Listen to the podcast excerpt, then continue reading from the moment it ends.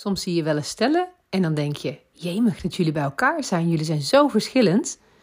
In deze aflevering ga ik het hebben over waarom opposites attract. Wat is de diepere reden van die aantrekkingskracht? Hoe je zo'n relatie juist tot een succes kunt maken en waarom juist die relaties zo enorm veel groeipotentieel hebben. Hi en welkom bij de podcast De Liefde die je wilt. Ik ben Tessie de Wert en ik geef trainingen over relaties. Het allerbelangrijkste wat ik wil meegeven in mijn trainingen is dat jij 100% zelf je relatie kunt fixen. En dat doe je door de relatie met jezelf te herstellen. Want als jij de liefde en intimiteit met jezelf terugvindt, dan veranderen relaties met anderen vanzelf mee. Ik weet nog jaren geleden dat we op het strand zaten in Brazilië. Toen kite ik nog heel veel. En dan waren we ook op kitevakantie. En dan zaten we daar aan het strand op een terrasje. Zaten we te kijken naar andere kiters. Hoe die uh, allemaal trucs aan het doen waren. En hoe ze aan het varen waren. En er was één vrouw die was zo saai aan het kiten. Die kite gewoon alleen maar op en neer in één rechte lijn. En uh, we noemden haar dus ook uh, de Boring Kite Girl. Voor de grap.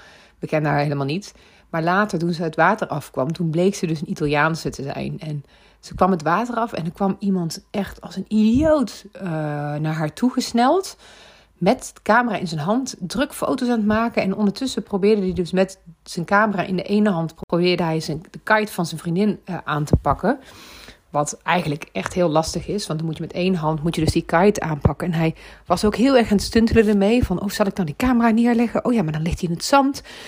En uh, oké, okay, dan probeer ik hem vasthouden. Oh, net om mijn nek hangen. hij was heel erg aan het stuntelen. En hij kreeg echt gewoon compleet de volle laag van haar. Dus we stonden er helemaal niks van, want het was allemaal in het Italiaans.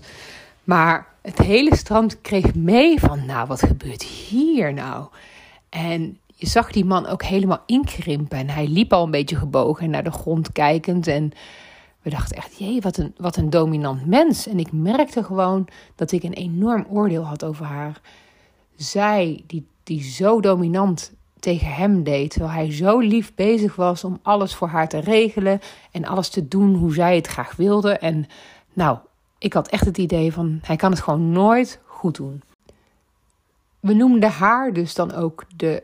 Uh, zij was nog steeds een boring kite girl, maar wij noemden hem submissive, dus de, de nederige, zeg maar.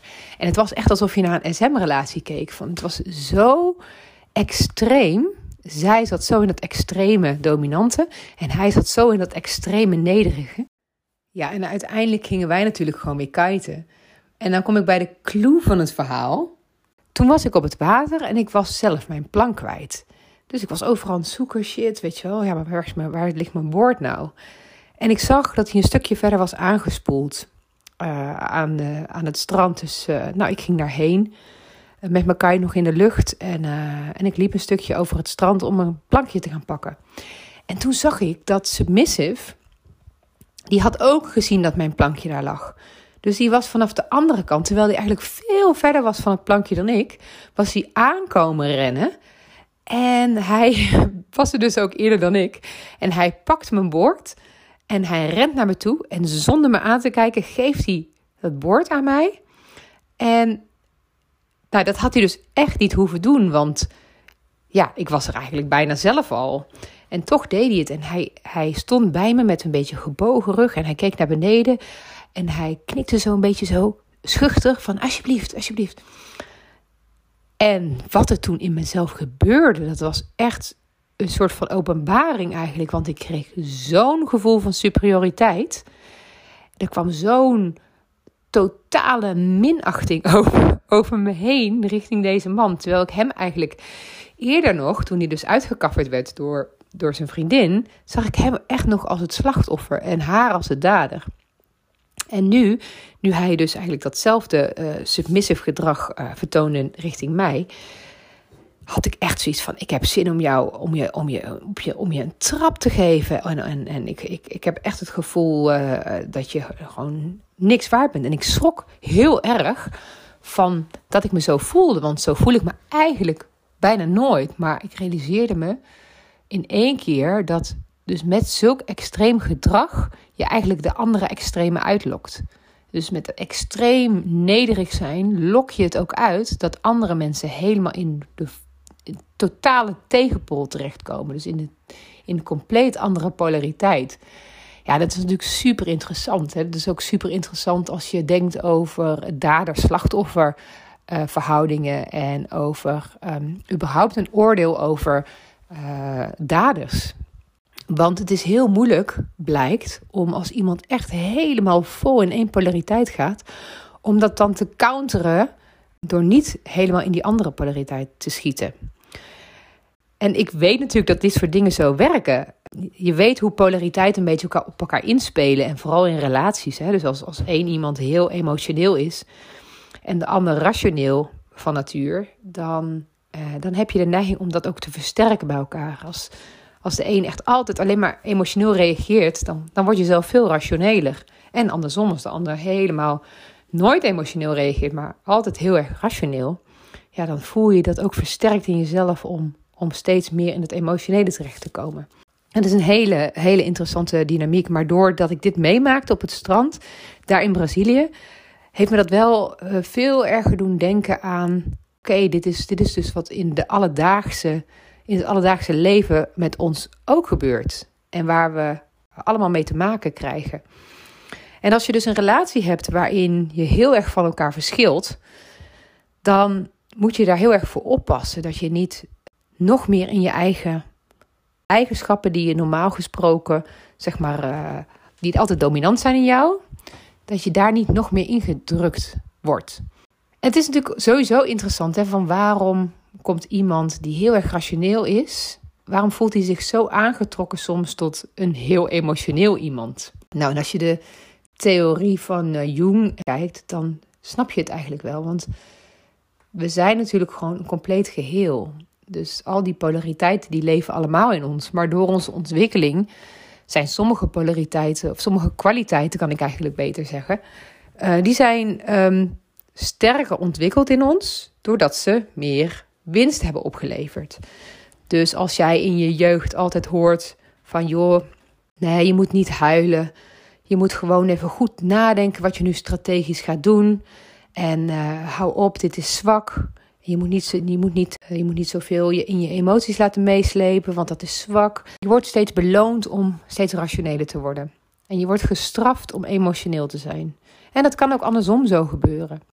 Maar voor zo iemand die zich helemaal heeft geïdentificeerd met het rationele, met die rationele kant in zichzelf, die kan een enorm gemis gaan ervaren aan spontaniteit, aan ehm, een gezellige sfeer neerzetten, aan echt contact maken met mensen op een, op een level van, ehm, ja, van, van emoties. En, die kan misschien gemis aan intimiteit gaan ervaren.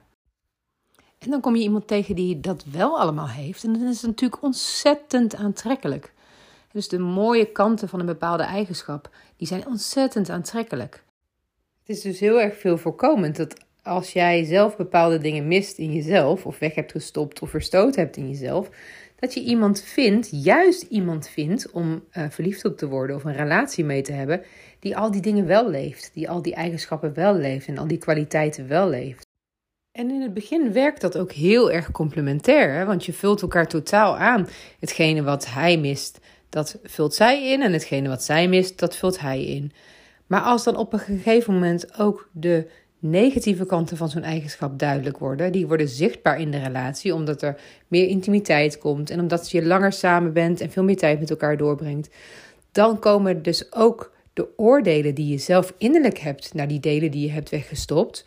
Dus innerlijk heb je, doe niet zo zwak, je moet niet zo emotioneel zijn, je stelt je aan, je moet gewoon even rationeel nadenken. Wat ben je toch dom dat je zo alleen maar zit te kniezen in een hoekje. Die komen natuurlijk keihard ook in die relatie terug. Als je ineens ziet dat die leuke, fladderende, uh, contactmakende, spontane, impulsieve dame met wie je net bent, uh, een relatie bent begonnen. Als die ook al die dingen doet die jij zelf in jezelf zwak vindt. Zeg maar de andere kant van de medaille van emotionaliteit. En die andere kant van de medaille, die zou natuurlijk kunnen zijn dat je in een hoekje ligt bij het minste of geringste. Dat je overspoeld wordt door je emoties. Dat je makkelijk een uitbrander geeft aan mensen, wat uh, misschien in een werksetting erg onhandig is. Of um, dat je gewoon niet goed meer eh, weet te handelen op het moment dat je heel emotioneel bent. Later in de relatie gaat zoiets weer juist heel erg tegenwerken. Want dan, dan ga je al die dingen ook zien. Al die kanten van zo'n eigenschap ga je ook zien. De truc is natuurlijk dat wat je in die relatie zocht als toevoeging van jezelf, dat je dat in jezelf ook daadwerkelijk gaat ontwikkelen. Dus dat je gaat zien van, oh ja, maar waarom, waarom viel ik eigenlijk zo op deze persoon die zo emotioneel was? Want ik hou daar toch helemaal niet van, van emotionele mensen. Hoezo ben ik ooit een relatie begonnen met deze persoon? Ja, dan is het heel interessant om te kijken van, hoe kan ik die eigenschap ook in mezelf gaan ontwikkelen? En dat is waar het echte werk komt. En daar komen veel mensen helemaal niet aan toe. En als ze daar niet aan toe komen, ja, dan gaat de ander heel irritant worden. En dat is waar het dan ook vaak misgaat bij mensen die heel erg van elkaar verschillen. Als je niet de stap maakt van oké, ik ga niet alleen dit nu in mijn relatie op proberen te lossen, maar ik ga echt kijken naar van deze eigenschappen van die andere persoon die ik aan de ene kant zo bewonder en aan de andere kant zo verafschuw, die ga ik echt proberen in mezelf te voeden, te ontwikkelen.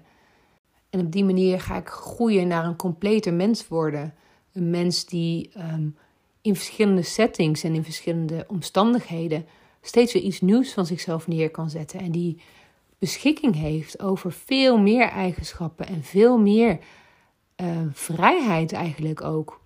Om op allerlei verschillende soorten manieren te kunnen reageren. En precies te weten wat in welke situatie nodig is en wat in welke situatie wenselijk is.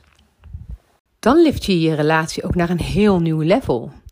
Want als jij een gebalanceerde mens weet te worden en je weet een hele goede balans te maken tussen het rationele en het emotionele, dan ben jij tegenover je partner ook iemand bij wie die ander zich ook kan ontwikkelen op die manier. Omdat de ander niet meer in die polariteit van het extreme emotionele wordt geduwd, doordat jij steeds rationeler wordt. De ander krijgt dan ook een kans om te denken: oh ja, ik kan dit nu best wel eens een keertje van een meer rationele kant bekijken. En zo ontwikkel je samen eigenlijk wat je allebei wilde ontwikkelen. Waarom je überhaupt aangetrokken was tot elkaar. Ja, en ik vind het persoonlijk altijd waanzinnig om de ander te zien als jezelf. Dus in plaats van dat je denkt, ja, die ander is zo en zo en die eigenschappen die trek ik niet of die wil ik niet of zo. Ja, waarom wil je die niet? Hoe zit dat in jezelf? Heb jij in jezelf die eigenschappen ook afgewezen? Zijn die in jouzelf ook verworpen, weggestopt? En hoe zou het zijn voor jou als je ook kan zien wat de positieve kanten van zo'n eigenschap zijn? Want meestal als we ehm, in twee polariteiten zitten samen, dan worden die eigenschappen ook alleen maar belicht op een negatieve manier. Dan word je dus inderdaad dominant en submissive. Terwijl je ook zou kunnen zeggen van jemig, wat een, uh, wat een, wat een kordaat mens en die weet wat ze wil. Ja, het komt er niet zo vriendelijk uit, maar de echte kerneigenschap is natuurlijk wel heel krachtig. En van submissive is de kerneigenschap ook heel erg prachtig. Want het is zorgzaam, het is lief, het is humble, nederig, het, is, het, heeft iets, het heeft iets heel zachts. En die twee samen, als die twee samen, als je die samen zou voegen, zou het een heel gebalanceerd persoon zijn. Misschien is dat wel de ultieme, het ultieme doel van relaties. Om jezelf te vinden. Ja, ik vind het heel intrigerend om te kijken naar je partner, te kijken naar wat voor soort relatie dan ook. En gewoon te observeren welke oordelen heb ik hier. En wat zegt dat eigenlijk over mij? Dat ik deze oordelen heb. Om die uitgaande beweging eigenlijk terug te maken naar jezelf. Om die U-turn te maken naar jezelf. Om te denken: oké, ik wijs die ander af. Wijs ik dat ook in mezelf af? Of ik bewonder de ander. Wil ik dat dan ook ontwikkelen in mezelf? Of ik ben heel erg jaloers op de ander dat die iets heel goed kan denk je misschien van jezelf dat dat voor jou onhaalbaar is. Terwijl je het wel heel graag zou willen ontwikkelen.